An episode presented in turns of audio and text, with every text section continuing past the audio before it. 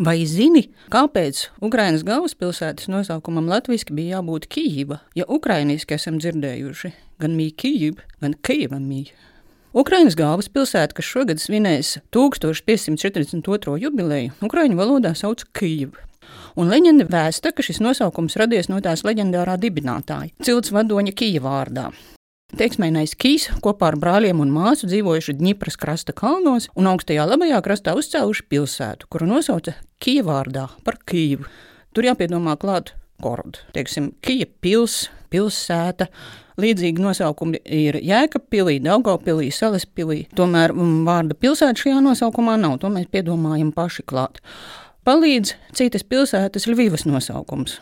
To rusu zemes karalis Danilo nosauca par godu savam dēlam Levam, un senos dokumentos lasām, piemēram, Gorod Ļva, Ļuvigorod, Leva pilsēta, vai virziens no Gorod na Ļvovu uz Leva pilsētu. Līdzīgi ir arī Lvivas nosaukumi latīņu valodā. Leopolis, piemēram, vai vācu valodā Lemberga, kas nāk no Leonburga.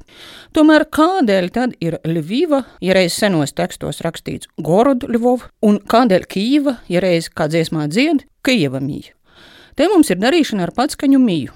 Patskaņu mīja latvietim nav nekāds debesu brīnums. Tā sastopama arī mūsu valodā. I kļūst par ie, likt, lieku, e par e vai a, plest, plēšu, plātu, u par u un au vai o, kust, kūst, kausēt. Ukraiņu valodā raksturīgākā patskaņa mī notiek, kad patskaņi o un e noteiktās pozīcijās pārtop par i. Pirmām kārtām šī mīja sastopama slēgtās zilbēs. Slēgtā zilbe ir tāda, kas beidzas ar līdzskani. Atvērta zilbe beidzas ar patskani. Piemēram, kaķis nominatīvā ir kit, bet ģenitīvā kota, un kaķēns ir košeņa. Sāls nominatīvā ir siļ, ģenitīvā soli, akmens, kāmeņa, ģenitīvā kamiņa. Vai mēs zinām, kad šī patskaņa mīja ukraiņu valodā izveidojusies? Cik tālu pagātnē jāatskatās? Senajā Kīivas pilsētā runāja īpatnējā koinē.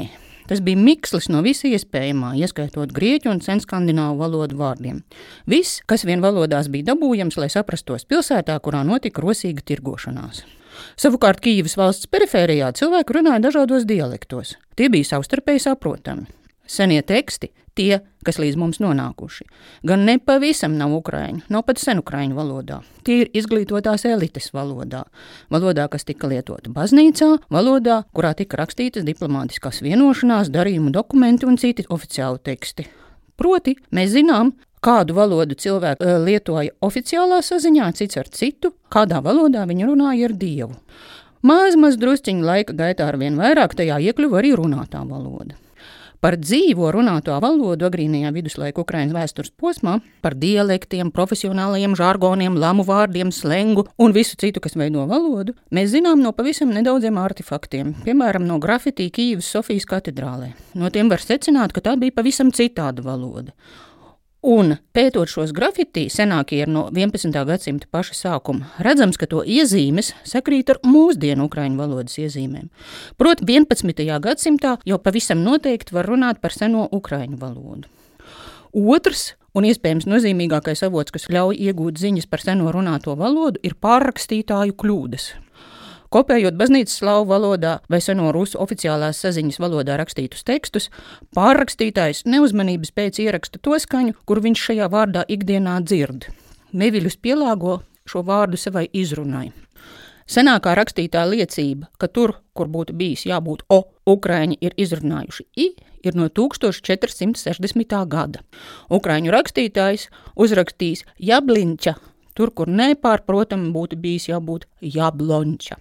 Senākie teksti par i izrunāšanu e vietā ir no 14. gadsimta otrās puses. Ņemot vērā, ka rakstos pārmaiņas parādās ar nokavēšanos, var pieņemt, ka skaņa e kļūsi par i nevēlāk par 13. gadsimta otro pusi, 14. gadsimta sākumu.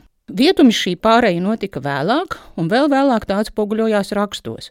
Pat 15. gadsimta beigās sastopama rakstība Kijeva, taču ir diezgan droši noprotams, ka izruna tā vairs neatspoguļo. Arī turpmākajos gadsimtos rakstība ir dažāda, jo ukraiņu valodā nav vienotas pareizrakstības sistēmas. Kad 19. gadsimtā tāda tiek izveidota, par normu kļūst princips, ka nominatīvā ir Kijiv akuzatīvā tāpat, jo otrā zilba ir slēgta, bet pārējos locījumos ir Kijeva, Kijevu, Kijevom, Nakievi, Pokijevu un vokatīvā Kijeve. Latviešu valodā mēs vārdus atveidojam vadoties pēc nominatīva, nosaucošā locījuma.